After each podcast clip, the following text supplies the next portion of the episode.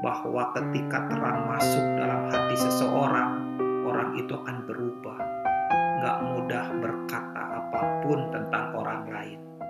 Gak berani berkata apa pun tentang siapa pun. Gak berani.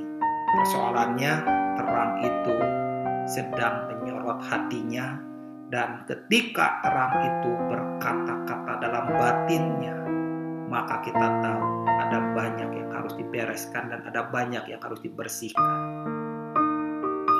Di sinilah sebenarnya kekristenan itu terjadi. Bukan berapa banyak ayat yang kita tahu, bukan berapa banyak khotbah yang kita dengar, bukan berapa banyak lagu yang kita hafal, tetapi berapa banyak terang yang masuk dalam batin kita. Itu yang membuat kita berbeda satu dengan yang lain.